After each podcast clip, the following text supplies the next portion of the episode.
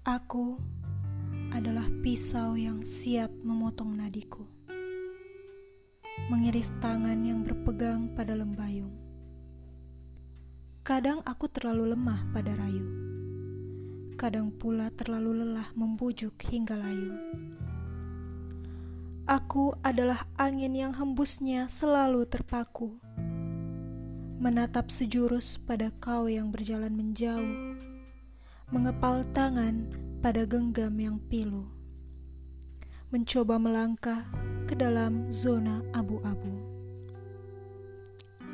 Aku adalah segumpal daging bernadi yang jatuh dan bangun, pernah terluka kemudian sembuh, pernah berkata cinta dengan lidah yang keluh, pernah menanti pelangi hingga awan mulai pupus.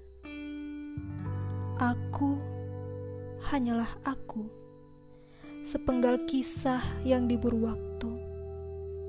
Tentang kapan berlabuh, aku pun tak pernah tahu. Yang ku tahu, selamanya aku adalah aku. Sajak berjudul Aku adalah Aku, karya Trinov.